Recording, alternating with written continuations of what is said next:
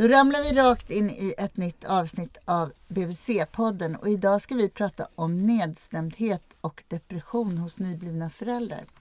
Jag heter Malin Bergström, jag är barnpsykolog och med mig här idag har jag Lotta Lindfors. Jag jobbar som vårdutvecklare på barnhälsovårdsenheten och är barnsjuksköterska.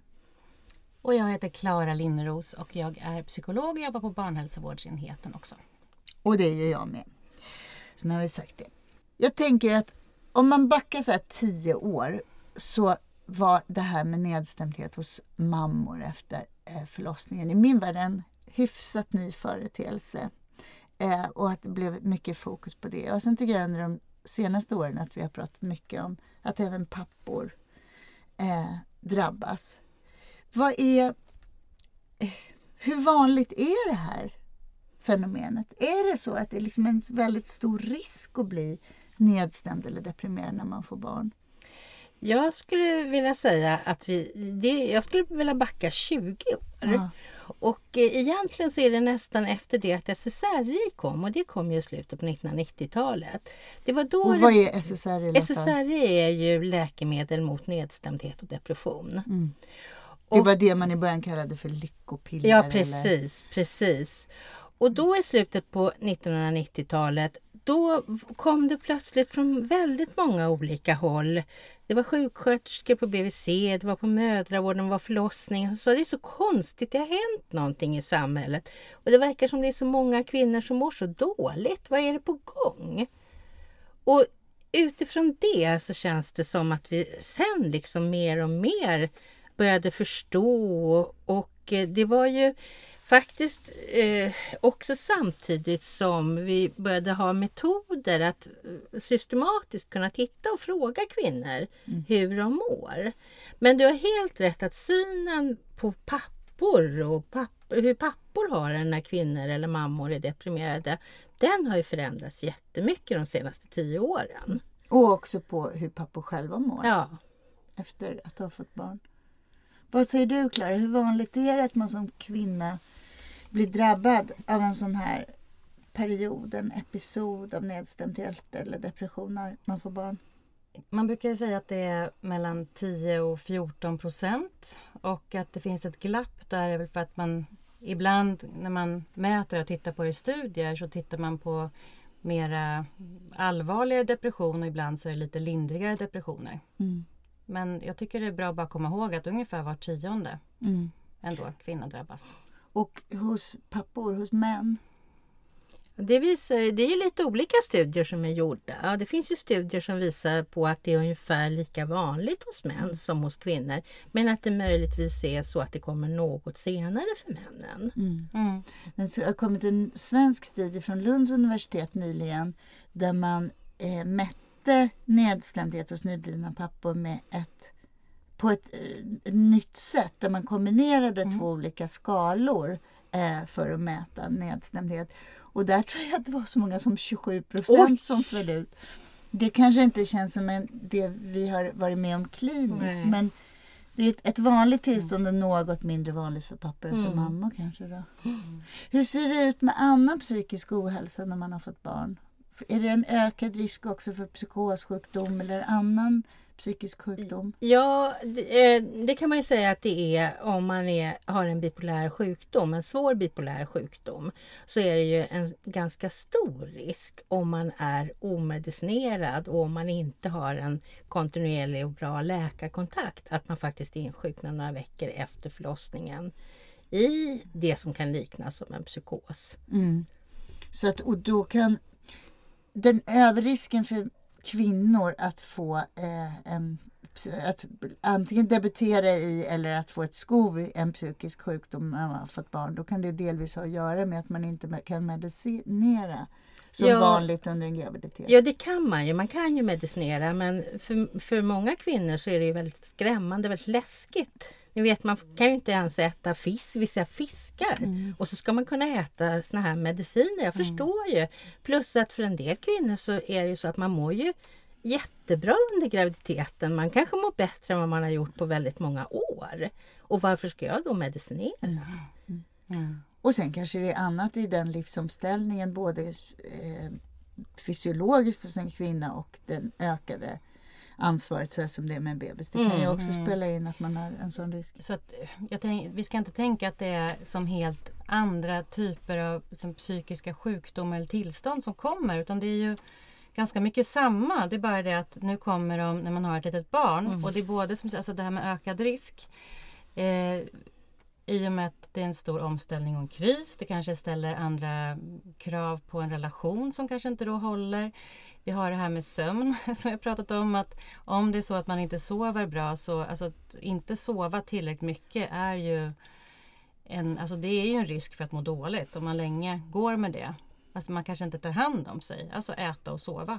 Mm. Mm. Och att det har fått stryka på foten när man Ja, Ja, för jag menar vi har ju rätt mycket psykisk ohälsa och olika grad i samhället. Det är ju Mm. inte, alltså det är många som är deprimerade ibland eller har ångest, eh, svårigheter, drabbas av panikångest och sånt. Och allt det här, alltså när man har en sån sårbarhet så är det ju hela tiden jätteviktigt med så mycket balans i livet som möjligt och självomhändertagande och så. Och det blir ju svårare när det här lilla barnet kommer. Mm. Speciellt första gången när allt ställs på ända och så. Mm. Som jag har lärt mig så är det så att som kvinna, om jag får barn så egentligen har inte jag en överrisk för nedstämdhet eller depression jämfört med mina medsystrar i samma ålder Mm. utan barn. Medan jag som man, när jag får barn, faktiskt har en högre risk att få en nedstämdhetsperiod eller en depression jämfört med män i motsvarande ålder som inte har fått barn.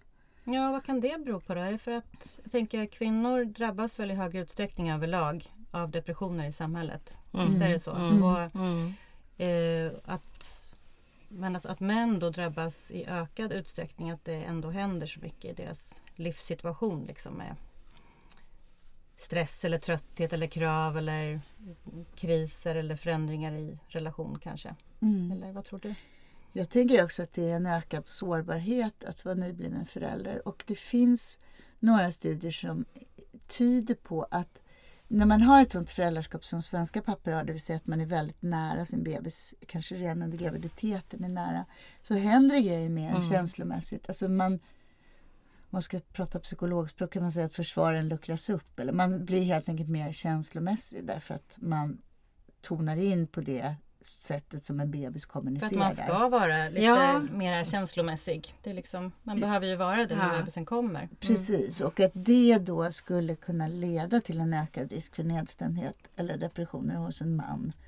Eh, ja, det finns någon studie till exempel som tyder på att pappor till för tidigt födda barn som bodde med barnen på BB och hade sina familje-BB, tog hand om sin prematura lilla bebis, löpte ökad risk för nedstämdhet jämfört med de som hade en traditionell. Mm. Och det finns någon dansk studie som pekar i samma riktning.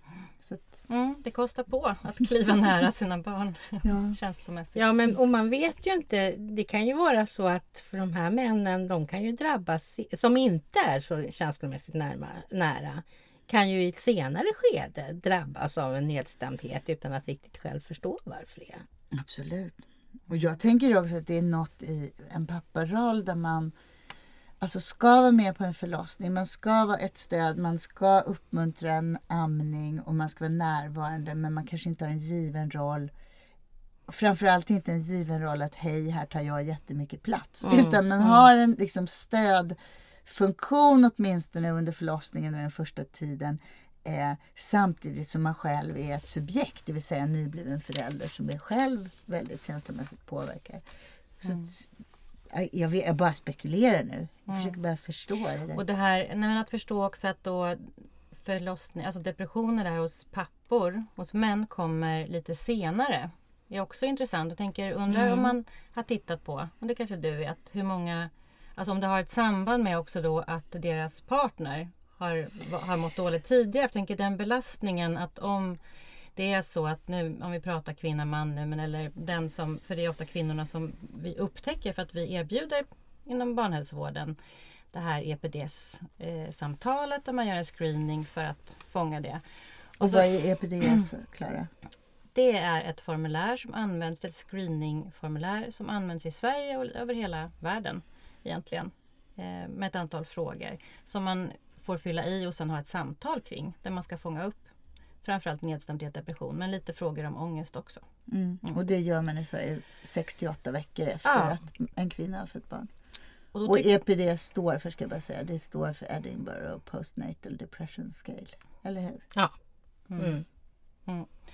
Ja, vad var jag? Nej men att, att om, man, om man tänker sig att man eh, har någon, en partner, en mamma som mår väldigt dåligt i början så behöver man kliva in ganska mycket. Så man är allt det här som du pratar om Malin med ett nytt, eh, en ny roll i livet och ett barn och något nytt i relationen. Och sen om den man lever med eh, faller ihop så att säga och behöver väldigt mycket stöd så kanske man behöver hålla tillbaka mycket av sitt eget och ställa upp. Och vi har ju det i Sverige att man faktiskt kan vara sjukskriven då som mamma och kanske att pappa kan gå in och vara föräldraledig. Men vi vet att det är ganska många som inte heller gör så. De kanske försöker då jobba lite mera hemifrån eller skyndar sig hem eller tar hand om. Att det är en ansträngande situation. Mm. Eh, Så att risken är att man också då själv börjar må dåligt när man har hållit på med det där något halvår. Mm. Sån fundering som jag har men jag vet inte om det är Och när är vi studerat. pratar om sjukskrivningar så finns ju, är man ensamstående och behöver vara sjukskriven då finns ju den möjligheten att någon annan, det kan ju vara en, förä- alltså en egen förälder, en kompis eller någon annan, faktiskt kan kliva in och ta en del utav föräldrapenningen. Mm. Den möjligheten finns, men den finns bara för de som är ensamstående. Så att det ska vi ju också uppmuntra till. Mm. Det kan vara otroligt viktigt att göra, alltså ta hand om det här så fort som möjligt då. Just för att sova och äta och göra Ja. de basala grejerna. Få stöd liksom. Och Mm. Så att man inte kommer in i negativa spiraler där man helt enkelt mår sämre och sämre. Vi pratar lite om det här när det debuterar och då är det, tror jag idag att det är så att man säger att en, var tredje kvinna som drabbas av nedstämdhet, depression efter att barnet är fött har haft sådana problem redan under graviditeten. Eh, och det finns också hos pappor ett samband mellan att vara belastad eller få symptom redan under graviditeten och senare. Mm. Sen undrar jag om vi faktiskt egentligen vet. Det finns en stor metaanalys som, det kommer någon senare, men som visade just att mellan tre och sex månader efter att barnet hade fötts så var som flest pappor drabbade. Jag har en känsla av att vi fortfarande inte riktigt vet det där säkert. När, därför att vi sa så om kvinnor också tidigare och sen har vi sett att nej, det här börjar faktiskt tidigare än vad vi har Mm. förstått. Så att jag, jag, jag känner mig inte säker på Nej, det. vi är inte i land med det här än att veta riktigt. Sen så har man också sagt i studier så säger man att en av de starkaste riskfaktorerna för en man att drabbas det är om hans partner Mm. är drabbad. Men jag tycker när man tittar på de där studierna att det sambandet faktiskt inte är så starkt. Det är ett lågt till måttligt samband. Och, så att det finns många andra riskfaktorer som också är betydelsefulla för män för att de ska drabbas och de är i princip de samma som för kvinnor. Mm. Som handlar om att man Ja, man kanske har en osäker social eller ekonomisk situation. Man, eh, eh, ja, man kanske inte är trygg på arbetsmarknaden, relationsproblem Mm. till partnern, eh, tidigare Egen sjuklighet. tidigare psykisk Mm. ohälsa av olika slag. Men vad tror ni om, för jag tänker för väldigt många föräldrar de skiftar ju i föräldraledigheten runt halvåret, sju, åtta månader. Och jag tänker att för en del pappor så kan det säkert vara så att det är först när man har varit hemma ett tag och liksom har kommit så här nära sitt barn som man också börjar må, svänga lite i hur man mår. Vad tror ni om det? Jag Eller tror tycker ni... det låter lite tidigt också att byta. Är det verkligen de, att det är många som byter vid sju månader föräldraledighet? Ja, man Ser det ut så? Det kanske ni. Ja, vet bättre. ja, det... Ja. Ja, Jag vet inte nu det när Malin inte säger att det kanske inte är så. Alltså vi kanske inte vet än. Det kanske är Nej. så att de här nedstämdheten kommer tidigare och att det har berott på hur Mm. man har frågat eller undersökt i sådana fall. Jag Inte tycker, fram och i mål. Jag tycker att det finns ganska starka incitament. Det, det vet vi ju, har vi vetat länge med kvinnor, att det finns väldigt starka drivkrafter inom en att dölja det här. det här är Mm, mm. ingenting man delar med eh, sin BHV-sjuksköterska eller sin familj eller sin partner i första taget. Utan Nej. det här är någonting man biter ihop om. Och jag tycker att när man tittar på intervjuer med, med män som drabbas så är ju det ännu starkare. Ja. För att det bryter ännu mer med bilden av att vara en god pappa och en god partner. Och Mm. kanske är det så att man ännu mindre får frågan också. Jag Ja. menar inte bara förstås på BVC dit man inte kanske eh, går lika ofta Nej. men också från andra. Att man ändå som kvinna man har sitt nätverk, man har vänner och kanske föräldrar så att man ändå får den frågan. Mm. För att det här med att det finns ett tabu kring att må dåligt. Man vill må bra, man vill vara den jättelyckliga föräldern som man ser i Mm. tidningar och så. Det finns ju men jag tänker ändå att det har ändrat sig rätt rejält. Jag tänker du Lotta som har jobbat så länge med det här. Mm. Att det var jättemycket mer tabu Jo, men det, förut. det tror jag. Jag tror att det är det. Och det som, är, eh, det som finns är ju på något sätt någon som i alla fall som BVC-sjuksköterskor väldigt ofta säger, det är att det är så otroligt många kvinnor som säger att de är så känsliga om de inte får sova. Mm. Och man får ju inte sova när man har en liten bebis. Alltså det, det, det Fast vi sa i ju. sömn, vårt sömnavsnitt på podden att egentligen så skulle man kunna så, alltså hur mycket bebisar sover. Okej. Men, men så är det. Vi so, men däremot så sover ju inte föräldrar ändå. Ska vi klippa bort det? Nej, nej det, det stämmer ju helt och hållet att föräldrar liksom är trötta. Ja. Mm. Mm. Och varför är de det? De sover inte på nätterna och sen sover de inte fatt på dagarna. Och Nej. så. Nej, och att, att många är känsliga för att inte få sova. Mm. Men jag tror absolut att det är lätt. Alltså jag tror att det är så här att om vi går 20 år tillbaks i tiden så tror jag inte att man fick den här frågan hur, man, hur mår du? Liksom så här generellt som vi, idag ingår det i vårt arbete att man frågar hur mår du? Det gör man ganska ofta. Mm. Och då menar jag hur mår du psykiskt? Mm. Inte liksom har du slutat att blöda eller har dina avslag avtagit eller något sånt där. Det pratar vi inte så mycket om idag längre. Mm. Och jag tror också att kvinnor förväntar sig att man ska få den frågan i större utsträckning. Men om man inte frågar då är det inte så lätt att ta upp det själv heller. Så det är viktigt att vi gör det. Och det handlar ju om att ett kärnsymptom i både depression och nedstämdhet är skam, det är självanklagelser, Mm. det är negativa tankar som snurrar i huvudet och som i hög utsträckning handlar om att jag inte duger, jag inte räcker till, jag borde vara glad, jag borde vara bättre. Mm. Så därför blir det så himla kraftfullt med de här Ja. samtalen tänker jag. Mm. Mycket av kraften ligger i det. Att, eh, att få frågan av någon som är van att fråga och gå igenom det här formuläret och ha samtalet och få höra att det här gör vi med alla och det är så här många som Mm. mår dåligt. Och att det kan släppa väldigt mycket när man berättar det här och den sjuksköterska man pratar med inte blir chockad eller så. Utan bara, ja, jag hör vad du Mm. säger och så här, det här är vanligt och man pratar om det som som allting annat som man pratar om på BVC. Mm. Mm. Fundera på vad man kan göra och så. Det, och det man gör på BVC det är att man alltså erbjuder mammor som har fött barn ett sånt här samtal. Mm. Som Det- vi sa 68 veckor efter förlossningen. Och sen när Lotta? Hur länge har man hållit på med det här? Ja men det har vi hållit på med sedan 97 när metoden kom till Sverige men då var den ju absolut inte utbredd till alla. Mm. Eh, och vi, vi frågade för eh, 2010 så frågade vi i en enkät generellt i Sverige. Då frågade vi vårdutvecklarna i hur många landsting är det så att man uppskattar att mer än hälften av alla föräldrar får ett sånt här samtal? Mammor. Ja, mammor, förlåt. Eh, och då svarade faktiskt alla ja. Okej. Men alla svarade också att det varierar enormt mycket från område till område. Så vi kan inte säga att i alla områden så får hälften av alla mammor. Mm. Men Så- det är en metod som är utbredd. Ja, den är jätteutbredd. Absolut.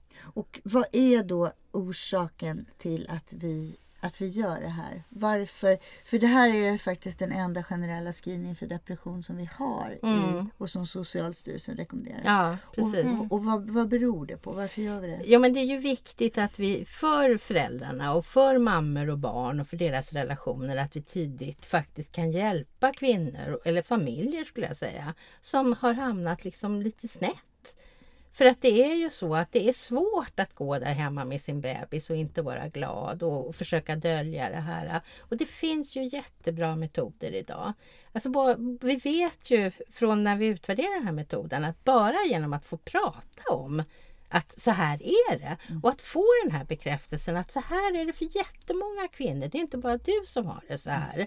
Men om det inte går över av sig själv så behöver man lite mer hjälp och det kan ju vara antingen att man träffar sin BVC-sjuksköterska lite oftare, att man kommer en gång i veckan. Och det har ju, jag tänker på en kvinna som eh, sa, hon kom en gång i veckan en hel höst. Och till jul så hade hon med sig en stor blomma till sin BVC-sjuksköterska och så sa hon att det här är den bästa hösten i hela mitt liv. Mm. Och då sa den här sjuksköterskan, men jag har inte gjort någonting annat än att vi har träffats lite oftare. Men för den här kvinnan var det så De pratade inte alltid om hur hon mådde. Men hon visste att den här tiden fanns för henne och att hon hade möjlighet. Och det var ett enormt, det vi brukar kalla ett hållande. Alltså det, var så, det var så tryggt för den här kvinnan att ha den möjligheten. Och man behöver vara trygg, någorlunda trygg, när man tar hand om det här lilla barnet. Alltså det är ju därför som, som vi behöver göra det här, för att små barn är så otroligt beroende av att föräldrarna som tar hand om dem liksom orkar med det och klarar av det för att skapa en trygg anknytning och möta upp barns behov. Annars skulle vi inte göra det som du säger. Föräldrar mår ju dåligt annars också men med det precis nyfödda barnet när relationen börjar skapas och barn, barnet lär sig. För en anknytningsrelation är ju egentligen att man lär sig hur världen funkar. Att man lär sig att om jag gråter så kommer någon och tröstar, om jag är hungrig får jag mat och det finns någon som liksom förstår mig och tolkar mig och gör någonting åt det och liksom läser in mig. Och det, då, då behöver man må tillräckligt bra. Sen är jag liksom förundrad över att många ändå kan ta på något sätt sin sist, sitt Ah. sista lilla krut Mm. för att fixa det här. Mm, att det behöver inte påverka, alla barn blir inte påverkade för att man går och, för att man mår dåligt och deprimerad. Man liksom tar det. Mm. Men det kan man inte göra hur länge som helst. Det tycker jag kan vara en bra sak att säga också till ja, mammor eller pappor som mår dåligt. Men, liksom, ja, men barnet mår bra och jag gör allt för det. Ja men hur länge ska du orka med det? Mm. Till slut kommer det ändå att spilla över. Mm. Sen vill man ju att, att föräldrar ska ha en bra liksom, livskvalitet och må bra. Men Mm. egentligen vi gör det ju för barnens skull. Mm. Så formellt sett så är det så att vi har den här skrivningen därför att vi vet att eh, nedstämdhet och depression hos föräldrar påverkar barn. Ja, Mm. precis. På gruppnivå ska man säga. Ja, Ja. På, Precis. i, på gruppnivå, för det är precis som du säger Klara, att det här har vi också strategier för att skydda barn Mm. för. Men att det, på gruppnivå så Mm. vet vi det. Och det kan man ju säga att det, så är det ju.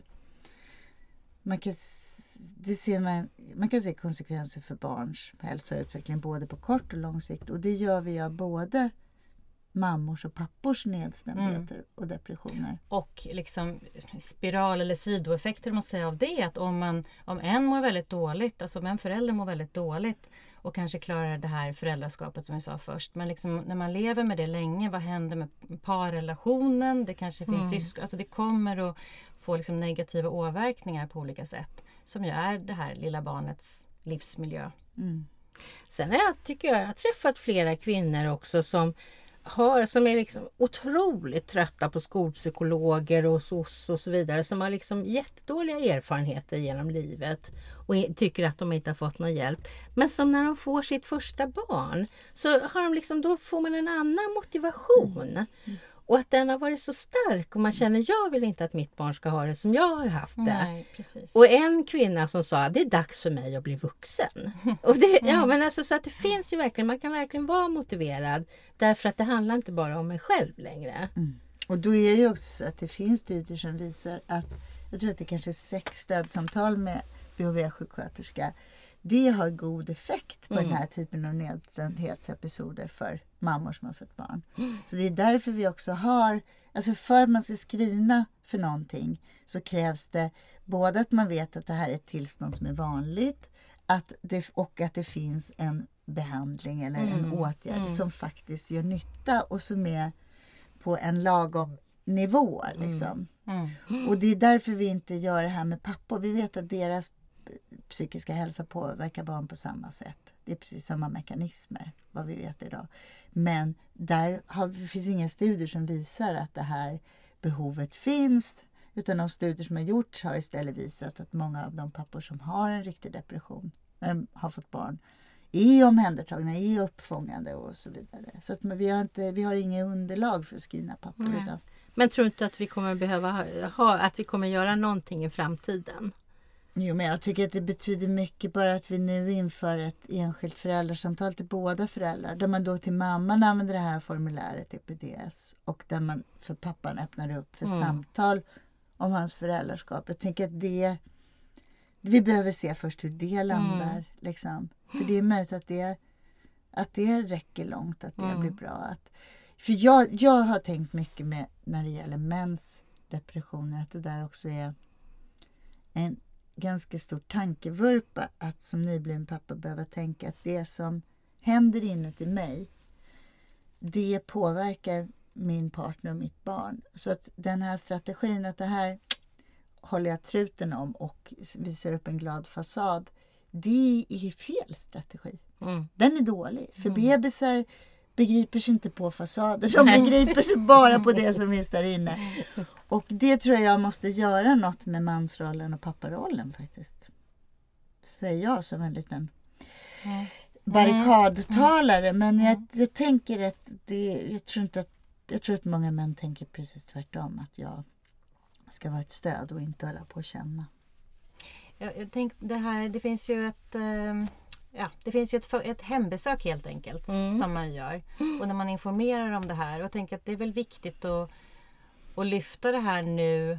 Också att det här kan drabba både män och kvinnor. Det, vi kommer ha det här samtalet vid 68 veckor med dig som kvinna för den screening som vi har. Men liksom, vi finns här ifall någon av er mår dåligt. Någon av er. Mm. Och också prata med, med, att prata om det öppet så att de har hört det båda två tillsammans. För något som jag hör så himla mycket när jag, jag träffar ju sjuksköterskor som jag handleder i den här metoden. Och det är så väldigt vanligt att när man berättar hur man mår då, om det kommer fram att man mår dåligt i det här EPD-samtalet så har man inte sagt det till sin partner. Mm. Eh, Alltså jag, har ju inte, jag har ju bara min liksom kliniska Mm, erfarenhet nu, inga mm. studier. Många har förstås pratat om det så, men väldigt många har inte Mm. gjort det. Och jag pratar mycket om att det här är någonting att, att undersöka. Varför går det inte att säga? Vad är det som hindrar dig? Vad, har, vad skulle kunna hända då? Vad har du för värsta liksom, tankar om det?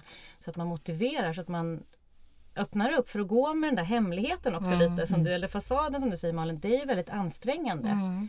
Och att det är så otroligt viktigt att kunna dela sitt mående med partnern. Och om, om partnern känner sig vilsen då, då kan man kanske gå och prata tillsammans hos sin Mm. sjuksköterska eller om man behöver gå till psykolog eller så. Så det du säger är att det här som jag står på någon barrikad och skriker om pappor, det gäller egentligen människor generellt. Ja, Mm. mm. såklart. Och då kanske det är så att kvinnor har haft en annan en liten annan arena ändå att prata om ett dåligt psykiskt mående. Att det är mera eh, gängse liksom att göra det. Men det finns ju förstås, det blir väl också en generalisering eller på populationsnivå. Men om man tittar på enstaka individer finns det ju massor kvinnor som minsann också håller tyst om det här och inte vill berätta det för sin man för att eller partner för att eh, det är dåligt läge, det är stressigt, man vill inte oroa. Eller man skäms för att man tänker vad är det här för konstigt, så här skulle det inte vara. Och man är besviken på sig själv, Ja. tror jag. Jag tycker att jag har varit med flera gånger där jag förstår eller blir mer oroad än vad kvinnan själv är. Och det tycker jag kan vara en svår situation som BVC-sjuksköterska att hantera. Och jag kan förstå att om jag mår så här dåligt som hon faktiskt beskriver så för att jag ska liksom erkänna det för mig själv så behöver jag ganska mycket mod. För att eh, vi lev, eller jag kan ju själv ibland leva så här, om jag bara blundar så försvinner det. Ni vet, som man är tre år kan man ju känna liksom, det går över imorgon. Och sen så kan jag som sjuksköterska förstå att det gör inte det riktigt. Mm. Har ni något sätt, kan ni hjälpa mig lite med när jag sitter i den här situationen? Eller liksom, hur kan jag fråga vidare? Eller hur, hur liksom, har jag ett mandat att fråga vidare? Eller gör jag folk illa? Nej, det tänker jag. Man gör ju aldrig någon illa när man frågar på ett sånt alltså, med den här respekten som du har nu när du tänker in i hur det är. Utan mera att eh, fråga vidare kring hur man mår och, och be gärna om exempel hur ofta och hur är det med sömn och mat. Så att man får liksom en väldigt bred bild. För att det man gör då tänker jag när man bara undersöker tillsammans det är att man liksom målar upp en bild i rummet av hur det är. För har man försökt sticka huvudet i sanden då stannar man inte upp och tänker. Så när man hör sig själv säga att ja, jag kanske gråter varje kväll eller jag sover inte på nätterna eller det är så här, jag känner mig jättedålig eller så. Och man gör det ihop och jag gillar ju att säga att man kan till och med skriva upp på ett papper liksom. Så att det blir lite grann, så här har du berättat för mig nu. Och jag tänker så här ska du inte behöva ha det. Utan det, här, är- det här är mycket, dessutom vet jag, tycker jag man kan säga. Jag som alltid säger jag tänker. Men jag vet att eh, det här, om man inte tar tag i det så kan det liksom eskalera och bli värre. Och riktigt sådär tydlig kan man ju vara just när det gäller ja, men sömnen och maten och vad det är som hindrar. Men du tänker att man ska vara lite konkret sådär liksom. För att det är ju också så att, att får man själv berätta om hur illa man mår så hör... Jag tänker att kvinnan Precis. hör ju själv Ja. liksom oj! Man ja, det här är ju inte okej Ja. liksom att jag inte sover på natten. Så är natt det många som kan natt. säga, många eh, kvinnor i sådana här samtal att Ja men oj vad det låter, jag hör ju hur det låter. Mm, Liksom, att det här mm. låter ju inte så bra. Så det är en jättestor vinst med det att bara Mm. få, få berätta och beskriva sin situation. Och att det finns någon där som säger att Nej, men så här ska inte du behöva ha det Nej. du behöver. Och sen kan man ju även prata om att men för ditt barn så kan det i längden bli så att du kanske inte orkar finnas där på det sättet. Det Som li- du skulle vilja. Som du, skulle, Mm. som du vill av hela ditt själ och hjärta. Det är ju lite sådär svårt att ta Mm. upp det för man kan alltså, vara- för man får vara försiktig eller man blir rädd att man ska ge någon dåligt samvete men samtidigt kanske det som behövs för tyvärr så är det så himla många som inte har tillräckligt mycket självomhändertagande. Nej. Någon slags här, vad behöver jag nu och hur mår jag och jag behöver utan man kanske behöver dra fram de här barnen för att det ska finnas en motivation också. Jag tänker också om man beskriver symptom på nedstämdhet och depression så kan man ju gå med dem utan att formulera det. För att, inte bara för att man förnekar utan också för att man har starka försvar Mm, kring att jag, hallå, jag har fokus på något annat här, det vill säga Mm. en bebis. Och det i sig är ju ett sätt att beskriva att det här du säger nu, det här är faktiskt ett tillstånd, det är en Mm, sjukdom mm, som mm. är liksom att vara så missnöjd med sig själv eller att vara stressad inuti och orolig på det här sättet som har brakat iväg. Mm. Det är liksom, det behöver man hjälp med. Det är ingenting som man kan tänka sig ur eller pigga upp sig. Nej. Utan det här är en svårighet som man lätt drabbas av i det här. Mm.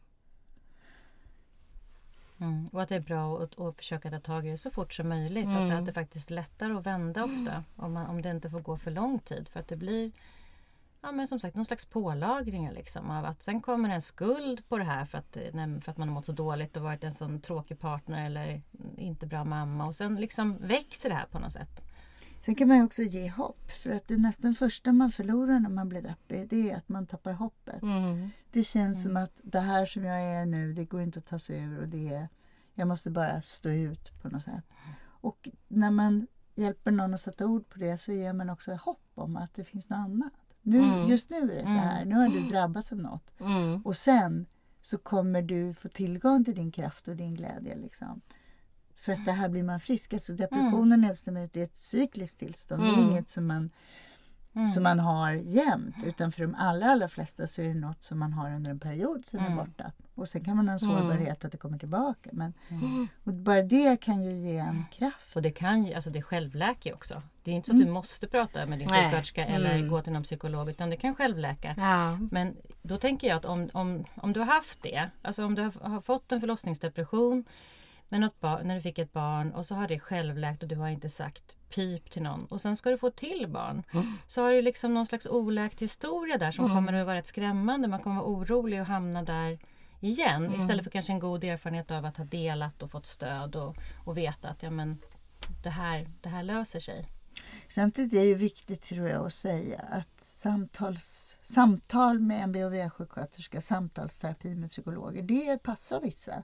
Mm. Men det finns också väldigt grundläggande principer som är effektiva mot de här tillstånden som handlar om att jag skaffar mig rutiner. Jag Mm, behöver dagsljus, mm, jag ja. behöver röra på mig. Jag tycker jag träffar så otroligt Ja. mycket nyblivna föräldrar där kroppen är som en spänd fiolsträng därför att jag går med spända axlar konkar på den här lilla ungen som grinar och är gullig, det är väldigt fysiskt.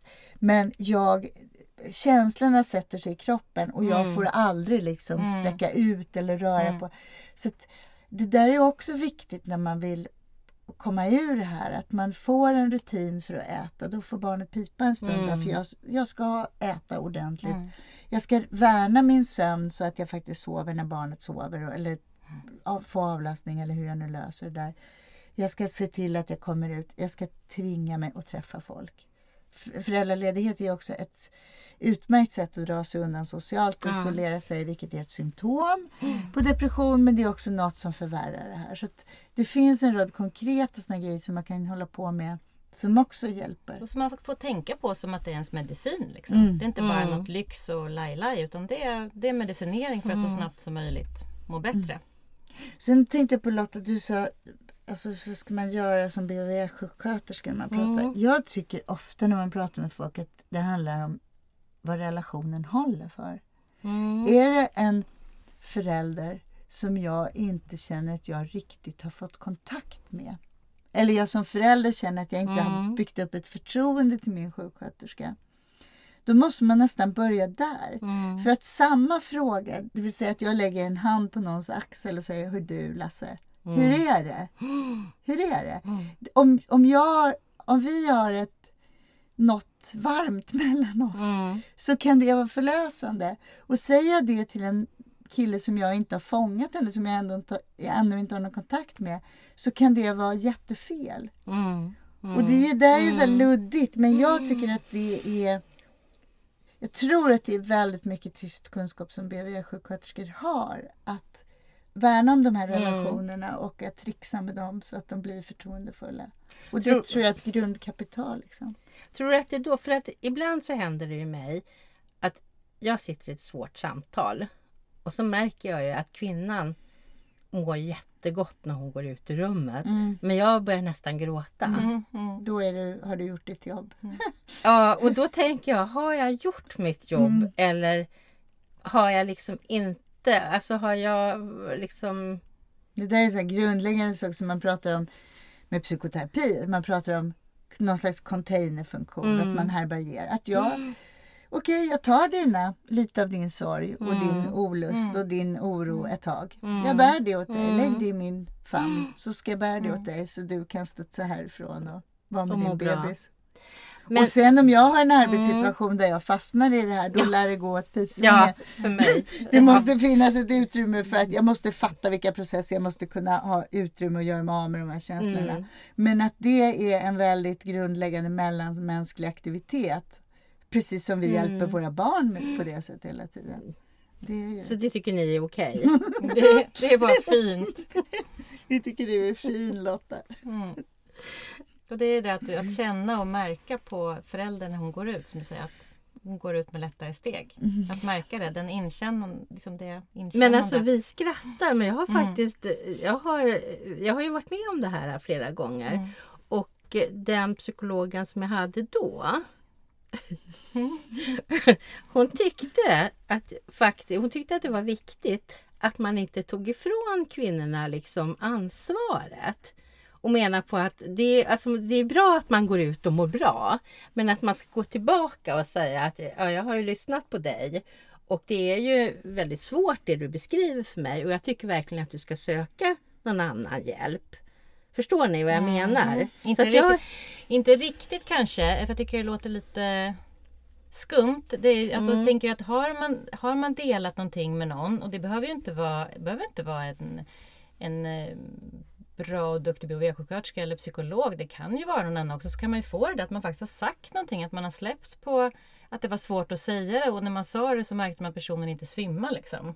Eller att den kunde ta emot. Förstår du vad jag menar? Att det är väldigt, väldigt skönt och befriande att göra det. Och jag, man tar ju inte över något ansvar. Det är ju inte som att man låtsas att ah, nu ska jag ta hand om allt Nej. resten av livet. Du kan komma till mig varje dag. Jag vet inte Jag om vi ska ha eller om vi ska klippa det här kanske. Men jag, när jag tänker på det så, så tänker jag, för då har det nog varit de här kvinnorna eller tjejerna som jag tänker som har haft det väldigt trassligt i sitt liv. Mm. Och som, där det liksom man kanske, jag tror att det är så att man, har liksom, man ger en tillfällig lättnad. Men i grunden så finns ju eh, hennes stora svårigheter. Jag tycker precis Mm. tvärtom. Vi har ju en BVC som vi alla tre jobbar med på olika sätt som är för föräldrar som har haft ett missbruk eller en Mm, beroendesjukdom mm. eller beroendeproblematik. Som, där mycket är trassligt när man får barn. Mm. Och jag tänker att det vi gör på den där BVCn, det är ju precis det. Mm. Alltså jag går bredvid dig en bit.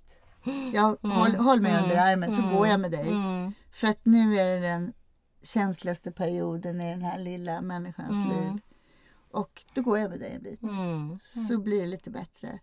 Och att börja så här, nu ska vi rafs, räfs, nu ska containern rensas och allt ska ordna. Mm. Nej, det tror inte jag på. Nej, det är bra. Det kanske var gammalt. Kan vi inte säga så? Ja, precis, för vi är så himla moderna. Ja. I den här podden är vi moderna. De får berätta och man lyssnar och man bekräftar och validerar och sen så kanske man också pratar lite om det som är fint och bra. Liksom, Mm, att mm. påpeka det. Och så får man, för jag tänker att när man mår dåligt så har man ju också väldigt eh, så här, mörka glasögon på som man brukar säga. Att man bara tänker på det som inte gick bra idag eller bara ser det och inte ser det som är bra. Det där tänker jag att man är svinbra på på BVC. Att Mm. också se sådär, titta vad fint du lyfte upp eller nu tröstar du sådär som man inte får syn på när man mår Nej. dåligt. Så därför är det också viktigt att de här samtalen liksom i det här sammanhanget blir extra viktiga, får någon slags extra tyngd. Liksom. Mm. Lotta och Clara, är det någonting mer som ni vill att vi ska säga kring nedstämdhet och depression innan vi ramlar ut ur den här Nej, men podden? jag tänker att vi ska säga det att det finns verkligen hjälp att få. Jag tycker att vi ska, som BVC-sjuksköterska tycker jag man ska förmedla det. Att det finns hjälp att få. Och som förälder tycker jag, jag önskar verkligen att man liksom vågar ta den hjälpen. Mm, Man ska inte behöva ha det så här. Man behöver inte må Nej. så här dåligt. nej. Mm. Och varje dag är viktig för ett barn. Mm. Ja men precis och alla som också får skuld och oro över att Åh, nu var jag ledsen här den här tiden och nu påverkar det mitt barn jättemycket. Att vi har ju tusen chanser att reparera Ja. med så här små barn så att det behöver man liksom inte oroa sig för utan bara att man tänker den tanken är gott nog liksom att man vill. Det kommer och då kommer man få massa nya chanser. Mm, helt det är det man får med barn. Mm. Tack snälla för idag. Mm. Nu ramlar vi ut ur den här podden. Mm. Tack.